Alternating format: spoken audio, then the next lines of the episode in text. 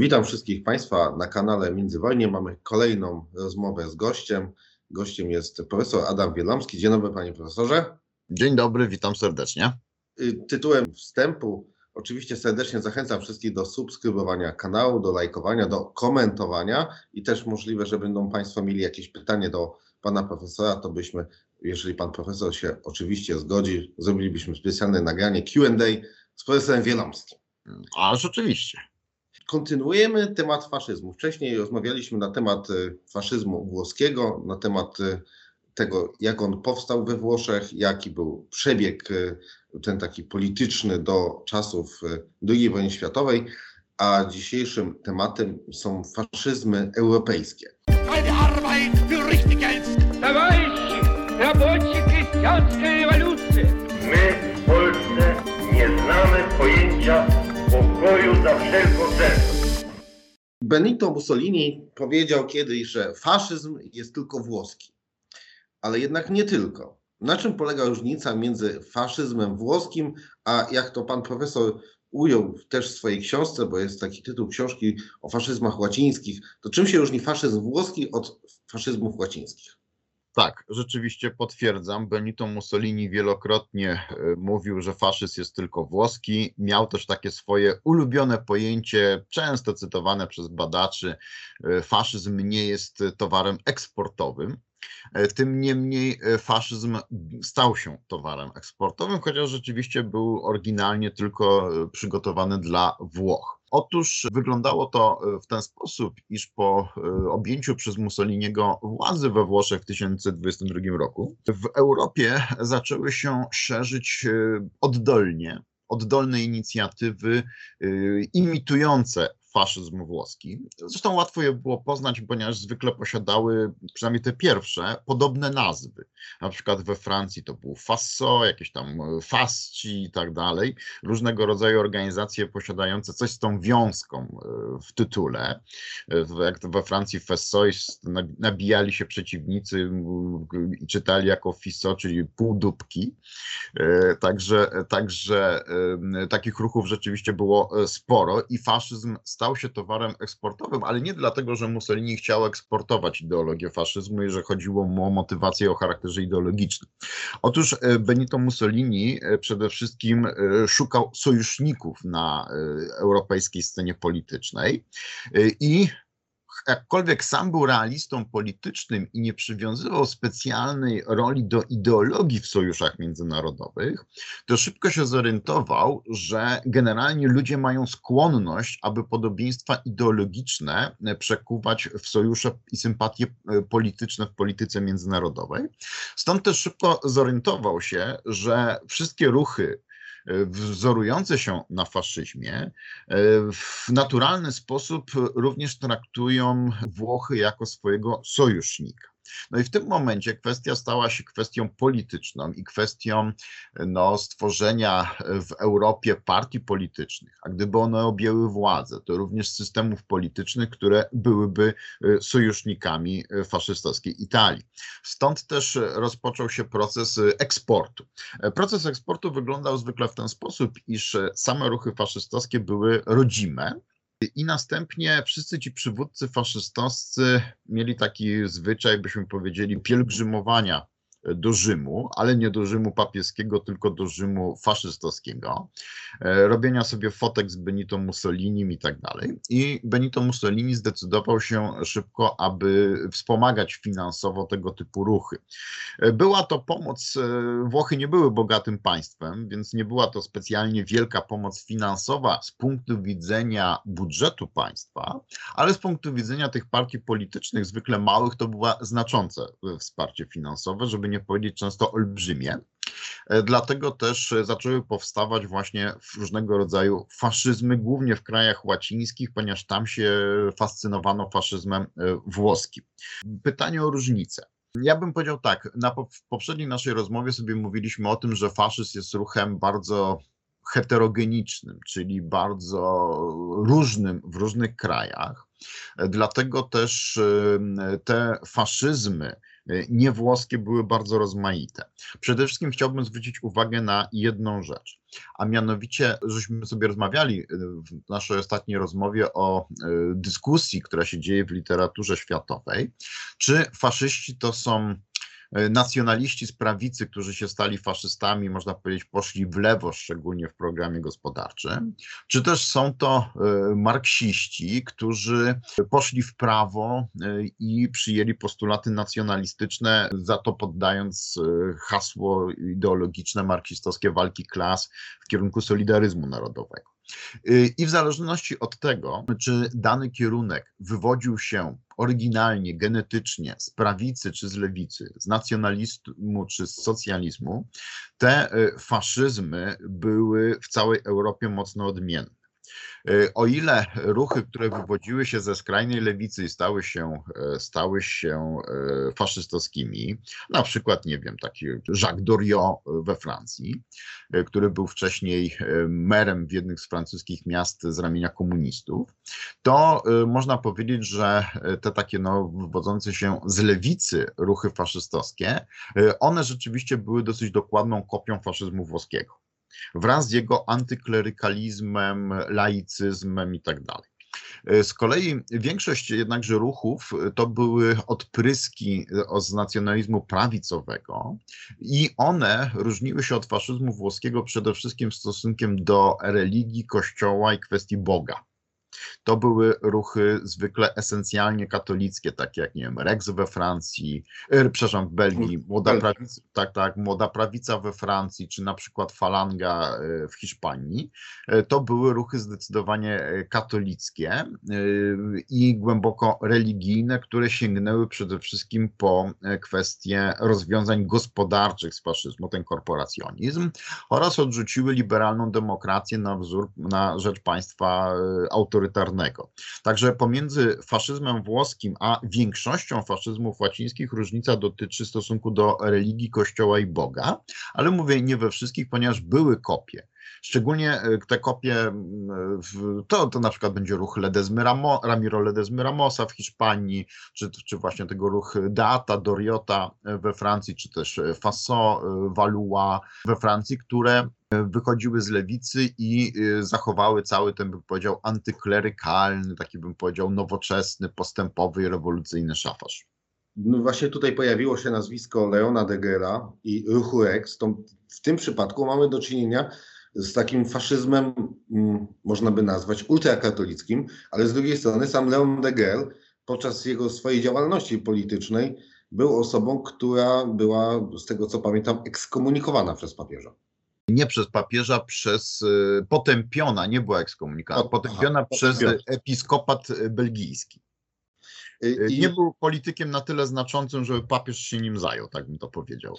Ale prawda, prawda jest taka, że e, jeśli my się rozważamy przypadek Rexu i Degrela, to ja bym powiedział, tu są jakby dwa okresy w działalności Degrela. Okres pierwszy młodzieńczy do połowy lat 30., kiedy to jest on katolickim radykałem, który w wyniku wielkiego kryzysu gospodarczego wyraźnie skręcił w kierunku rozwiązań socjalistyczno-korporacyjnych w ekonomii, no i odrzucił e, chadecki model e, demokracji chrześcijańskiej, który w Belgii był popularny. I stąd jego fascynację faszyzmem jako ruchem nowym, dynamicznym i tak dalej, ale cechą charakterystyczną degrelizmu był właśnie stosunek do kościoła, który mimo krytyki kościelnej, bo chadecy belgijski, znaczy kościół belgijski już w latach okresu międzywojennego był taki bardzo liberalny, żeby nie powiedzieć lewicujący w kwestiach politycznych szczególnie, e, no to, no to tutaj, tutaj zdecydowanie od faszyzmu e, włoskiego różniła go kwestia e, osobistej wiary i również roli kościoła i religii w życiu publicznym. No potem mamy ten okres fascynacji w drugiej połowie lat 30. w okresie II wojny światowej y, Hitlerem i hitleryzmem, y, który nie miał w moim przekonaniu jakichś głębokich podstaw ideowych u Degrela, to mm, Degrel po prostu zafascynowany osobowością Hitlera charyzmatyczną. No i od tego czasu y, bym powiedział, no zdecydowanie zbliża się bardziej do III Rzeszy niż do faszyzmu włoskiego. Zresztą ja to zawsze powtarzam, no Degrel de facto w, był, stał się w pewnym momencie jeszcze przed wojną agentem wywiadu III Rzeszy, dlatego iż w Belgii była reglamentowany był papier i nawet mając pieniądze nie można go było tak normalnie kupić w Belgii. I dlatego też jego czasopisma były szykanowane przez rząd w najprostszy możliwy sposób, to znaczy papieru nie dostawały. No i de Grel go kupował w Europie, no i jednym z miejsc, gdzie go kupował była Trzecia Rzesza, przy czym, no, o czym oczywiście władze belgijskie nie wiedziały, nie płacił za ten papier czyli de facto jego organizacja była sponsorowana przez e, trzecią Rzeszę. I to jest ten okres, w którym on już jakby jego sympatie do e, faszyzmu włoskiego zupełnie gasną, on się e, kieruje potem w kierunku trzeciej Rzeszy, no i zachwyca się, co tu dużo mówić wprost, osobowością Adolfa Hitlera, to wystarczy jego książki poczytać, że tam jakby to, ten faszyzm włoski niknie z, niego, z jego, z jego widnokręgu politycznego. Ja bym tutaj jeszcze dodał i no de facto zapytał pana profesora, bo ważnym mi się wydaje momentem w życiu Leona Degela to był jego pobyt y, w Meksyku, gdzie był dziennikarzem, który korespondował właśnie z Meksyku i opisywał tą wojnę domową, która była między siłami katolickimi a rządzącymi siłami lewicowo-liberalnymi. I y, czy nie wydaje się panu profesorowi, że właśnie na podstawie tych doświadczeń obudził się u niego taka chęć przeprowadzenia krucjaty przeciwko komunistom, bo wzięcie udziału w II wojnie światowej i walce na froncie wschodnim, no to on traktował jako taka krucjata. E, tak, tutaj jest e, oczywiście pewna stała linia. On był tym korespondentem, napisał taką broszurę całą o Cristeros e, walczących w Meksyku z rządem no, trudnym do zdefiniowania politycznie, bo też bardzo, bym powiedział, rozmaitych elementów, ale wojująco-laickim myślę, że jakbyśmy powiedzieli, że o światopoglądzie wolnomularskim to byłby, byłaby to dobra odpowiedź. Y, I rzeczywiście tutaj jakby no, jego wrogość w stosunku do świata lewicowo-liberalno-wolnomularskiego była, bym powiedział, stała przez cały czas.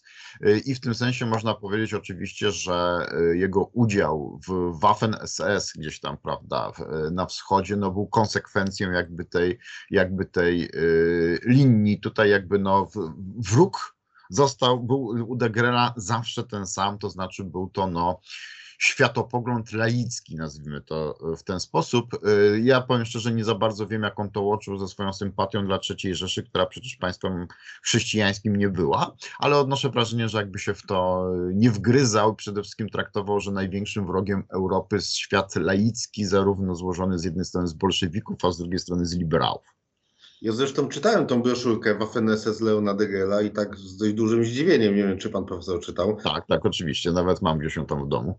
No ja też ją mam gdzieś tam w domu schowaną i no tam była przedstawiona może taka alternatywna wizja rzeczywistości, gdzie pokazywał ten bohaterski Wehrmacht i ta wojna, która jest prowadzona w sposób taki, nie wiem, romantyczny, to mhm. jest coś niesamowitego. No, z moi, moim zdaniem no, powinna być szeroko dostępna, żeby móc zapoznać się z pewnymi takimi relacjami osób, które na swój sposób przeżywały ten czas. Tak, ale on w ogóle w ten sposób, powiedział, miał, to, miał taki rys romantyczny charakteru i przede wszystkim przekonanie o znaczeniu heroizmu w życiu. Sam siebie postrzega jako taką charyzmatyczną jednostkę. No ja e, powiem szczerze, mam też gdzieś w domu taką książkę wydaną w języku hiszpańskim, różne pisma de Grela, takie wspomnienia powojenne. No tam on ciągle w tych w mundurkach Waffen-SS paradował po tej Hiszpanii, chyba sobie z 10 musiał tych mundurków uszyć, tak?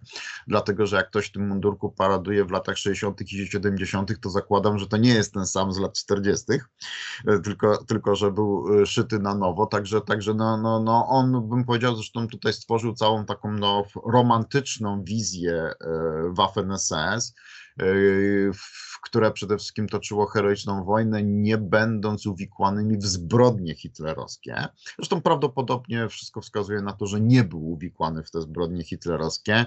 Nie wierzę, żeby nic o nich nie wiedział, walcząc na froncie, no bo te zbrodnie potem popełniano również w strefie przyfrontowej, e, ale w każdym razie stworzył taki, taki wizerunek. On zresztą jest charakterystyczny dla e, belgijskich i w ogóle szerzej francuskich kombatantów strzelania szeregów Waffen-SS, którzy stworzyli taki romantyczny ideał nowej krucjaty dwudziestowiecznej przeciwko bolszewizmowi, tak jak kiedyś jakąś krucjatę przeciwko Turkom czy Arabom. I stąd prawdopodobnie jest fenomen poczytności jego, jego y, książek. Już tak kończąc ten wątek, ja też często zauważyłem, że te wspomnienia ze, ze strony nie Niemców, tylko właśnie Francuzów czy Belgów, no pokazują ten romantyzm i to jest niesamowite, że po wojnie tak naprawdę Mm, wielu z tych zbrodniarzy, którzy brali czynny udział, y, całkowicie odżegnuje się, albo na przykład mówi, że wykonywało rozkazy. Zresztą generał na przykład Manstein, który był, jedni twierdzą, że doskonałym, jednym z najlepszych generałów II wojny światowej, był odpowiedzialny za ludobójstwo na froncie wschodnim. Z drugiej strony on się absolutnie od tego odżegnywał i twierdził, że to wszystko było w ramach tam przeprowadzenia działań wojennych i tam była taka sytuacja, że wysiedlono chyba paręset tysięcy ludzi podczas odwrotu, żeby zostawić spaloną ziemię, jak był odwrót chyba za Dniepr. I on jakby zarządzono, on wtedy dowodził i on zarządzał tym wszystkim. Ale schodzimy z II wojny światowej, bo pojawiła się kwestia Hiszpanii. A mianowicie kwestia Hiszpanii i mamy tutaj do czynienia z y, wojną domową w Hiszpanii, która wynikała z tych różnych sporów między jedną a drugą stroną polityczną, czyli tak zwaną, nazwijmy to prawicą, a lewicą. I jakby tym punktem kulminacyjnym to są te walki w latach 36-39, gdzie generał Franco jest y, faszystowskim przywódcą, który wprowadza faszystowskie rządy i rządzi aż bodajże do lat 70. 70. Tak. Y, I tutaj mamy do czynienia z pewnym kolejnym zderzeniem z rzeczywistością, a mianowicie mm, Franco przez liberalnych i lewicowych y, publicystów, historyków czy politologów nazywany jest y, przywódcą faszystowskim. Jednakże sam Franco i frankizm grupował różne grupowania polityczne. Jak dobrze wiemy, mieliśmy do czynienia i z karlistami, z częścią republikanów, no i byli falangiści. I z tej tak. całej trójki falangiści byli faszystami. Tak, frankizm jest ruchem, y, który to w politologii hiszpańskiej określa się jako federację rodzin politycznych. Tak, to jest takie, takie pojęcie rodziny polityczne. Y, I rzeczywiście y, ja bym powiedział tak.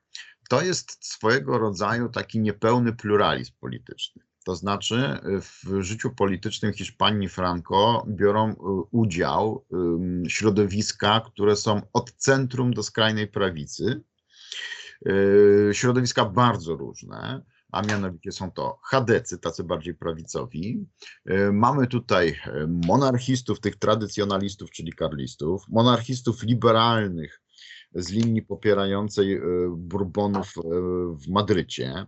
Mamy falangistów, czyli takich no, faszyzujących. Także mamy zupełnie kilka różnych, e, różnych e, kierunków, które no, w wielu miejscach się ze sobą nie zgadzają. I metoda rządów Franco polega na tym, żeby wszystkie te grupy brać do rządu, przydzielać im różne ministerstwa, przy czym zwykle jedna grupa była grupą dominującą. I można powiedzieć, że ta grupa faszystowska czy faszyzująca dominowała to bardzo są, bym powiedział, różne oceny. E, z pewnością dominowała od roku 1936 i teraz pytanie dokąd. Jedni twierdzą, że została w czasie II wojny światowej trwale złamana, inni dopiero przesuwają to na lata 50. No to jest kwestia ocen, e, ale w każdym razie e, falangiści stanowili tylko jeden z elementów mozaiki frankizmu. Co więcej, zresztą sami falangiści też nie, nie byli wbrew pozorom organizacją jednolitą, dlatego że kiedy roz rozpoczynała się e, wojna domowa w Hiszpanii, tych falangistów było kilkanaście tysięcy zaledwie, z których większość tej wojny nie przeżyła. E, I następnie mamy tą drugą falangę, czyli, czyli tą falangę, no, można powiedzieć, masową, jako główną organizację państwa frankistowskiego polityczną, gdzie skupiali się wszyscy, od faszystów po e, ultrakonserwatystów i chadeków. E, I e, w tym e, szerokim obozie rzeczywiście mamy falangistów. Oni przede wszystkim są skupieni w związkach zawodowych. Charakterystyczne jest to skupienie w związkach zawodowych i te związki zawodowe bardzo często są takie, bym powiedział, e, lewicowo-gospodarczo i również są e, mniej czy bardziej takie, bym powiedział, laickie. One nie są antyklerykalne, ale są laickie, a przede wszystkim przeciwne nadmiernej klerykalizacji państwa. E, także ten faszyst jest w związkach zawodowych, on sobie istnieje do aż lat 70., ale od połowy lat 50., jakby jego wpływ na y, oblicze, politykę gospodarczą, politykę zagraniczną państwa jest wpływem coraz mniejszym, żeby nawet nie powiedzieć w pewnym momencie zerowym. Z tego prostego powodu, iż e, Franco postanowił wyhodować, nazwijmy to w ten sposób, swoich faszystów e, w, pod koniec lat 30., dlatego iż był, zakładał, iż drugą wojnę światową wygrają Niemcy.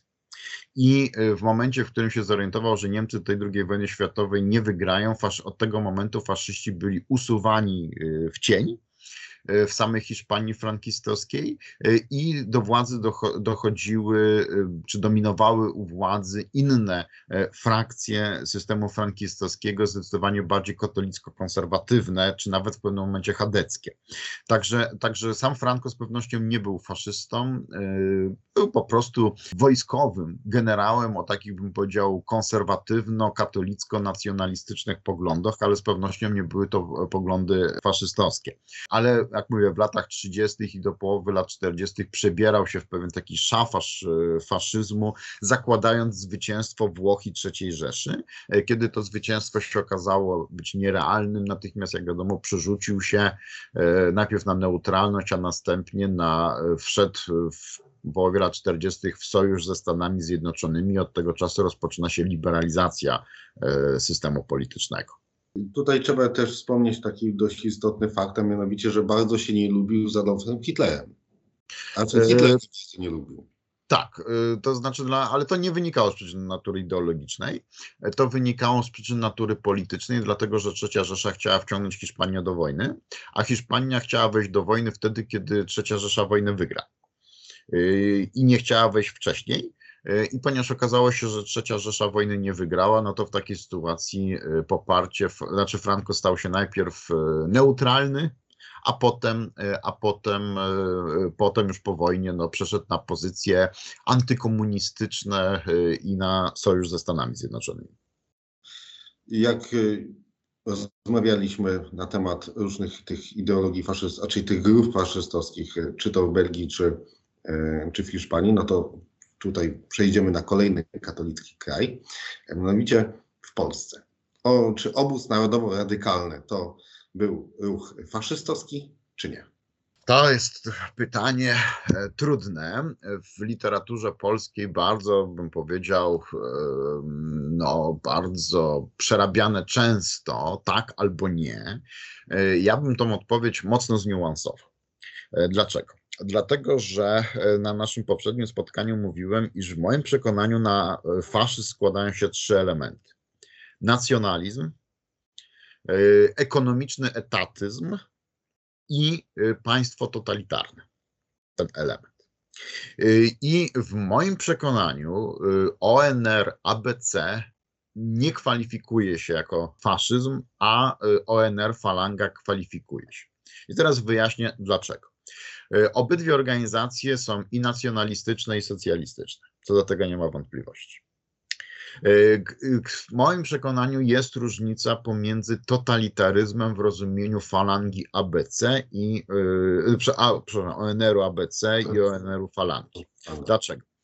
Mianowicie ONR ABC twierdzi, obydwa zresztą organizacje posługują się pojęciem totalizmu, ale to jest pojęcie pojęciem, ale teraz jest pytanie, co to oznacza.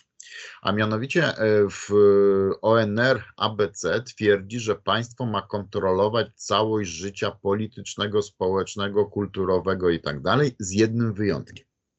A mianowicie spoza władzy państwa ma być e, egzemptowany Kościół katolicki wraz z wszystkim, co jest katolickie. Prasą katolicką, czy jakbyśmy dzisiaj powiedzieli, mediami katolickimi, katolickimi związkami zawodowymi, katolickim szkolnictwem i tak dalej.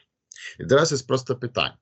Biorąc pod uwagę, że Kościół katolicki był największą organizacją w Polsce, mającą najwięcej w różnego rodzaju mediów, szkół, związków zawodowych i tak dalej, to czy po wyjęciu z zasady kontroli państwa takiej organizacji możemy dalej mówić, że byłoby to państwo totalitarne w moim przekonaniu nie byłoby już w tym momencie państwem totalitarnym, skoro e, skupiająca mniej więcej 70% Polaków organizacja miała być od państw, miała nie być państwu podporządkowana, czyli miała posiadać autonomię.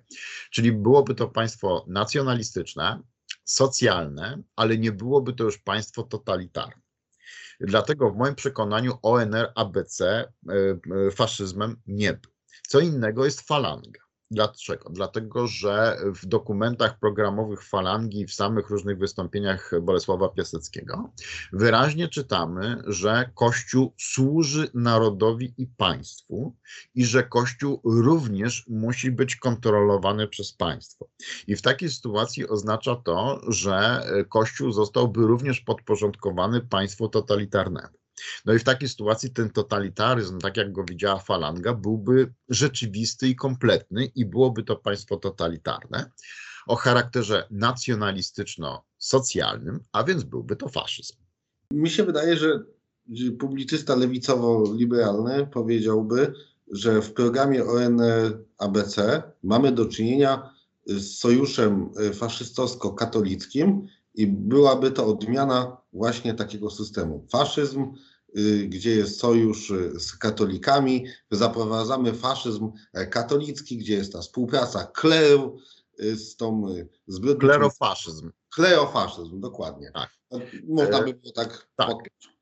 Ja uważam, że nie istnieje coś takiego jak totalitaryzm katolicki. Jest to po prostu niemożliwe, e, dlatego że totalitaryzm katolicki by oznaczał, że w, w ramach totalitaryzmu istnieje autonomiczny w stosunku do państwa Kościół. No to by rządzili biskupi razem z politykami faszystowskimi.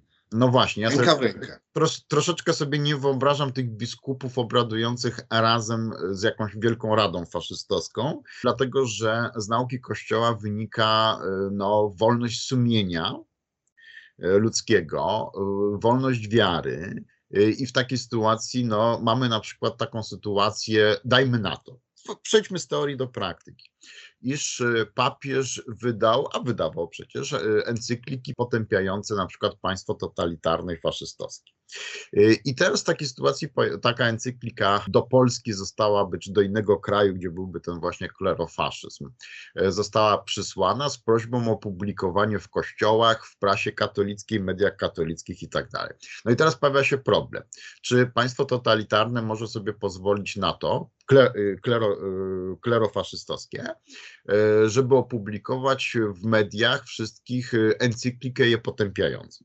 W tym momencie wszyscy faszyści odwołają się do takiego starego modelu, jak to się mówi, regalistycznego, że państwo ma prawo ocenzurować dokumenty kościelne, tak to kiedyś mawiano w w późnym średniowieczu i w nowożytnością dać placet na opublikowanie takiego dokumentu i e, ma ono prawo tego dokumentu nie opublikować lub też go cenzurować. Podczas kiedy biskupi powiedzą, hola, hola, jak to cenzurować dokument papieski?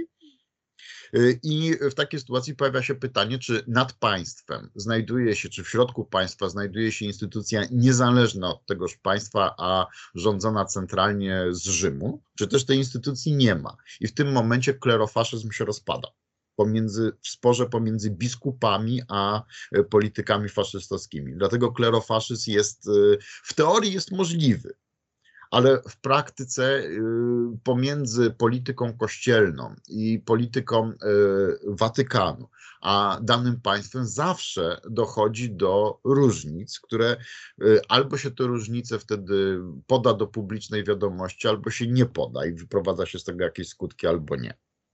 To groziłoby na pewno schizmą, i mieliśmy do czynienia w Niemczech y, narodowo-socjalistycznych, gdzie część księży katolickich przeszła na mm, opcję pronazistowską. E, tak, dlatego że z totalitaryzmu y, wynika, jeśli miałby być to jakiś klerofaszyzm, że to musi być Kościół Narodowy. Po prostu. Y, I w III Rzeszy, jak wiemy, no, Kościół był stanowczo, chociaż może werbalnie nie jakoś tam atakowany, ale bi- y, duchowni byli represjonowani i, i państwo popierało ruch tak zwany Deutsche Christen, czyli niemieckich chrześcijan, zresztą ekumeniczny, bo skupiający zarówno katolików, jak i protestantów, ponieważ chciało stworzyć swój własny kościół, e, który zarówno dogmatycznie by się różnił od kościoła chrześcijańskiego, kościołów chrześcijańskiego, kościoła katolickiego, no na przykład w kwestii tego, czy Żydzi są ludźmi, to jest jakby no pytanie podstawowe i czy przysługują im prawa, czy im nie przysługują. E, I e, w takiej, e, i, prawda, i to oczywiście musiałoby spowodować w państwie klerofaszystowskim no, duży dysonans pomiędzy kościołem podległym Rzymowi, a e, państwem, które by chciało stworzyć własny kościół państwowy, taki regalistyczny, cezaropapistyczny, czy jak inaczej byśmy to nazwali. Na tym byśmy skończyli naszą rozmowę, panie profesorze. Bardzo dziękuję. Rozmawialiśmy na kanale Międzywojnie. Zachęcam wszystkich do subskrybowania, lajkowania, do oglądania naszych filmów oraz do komentowania, oczywiście też zadawania pytań, jakby były jakieś pytania dotyczące właśnie kwestii faszyzmu. Także jeszcze raz dziękuję panie profesorze i do zobaczenia, do usłyszenia.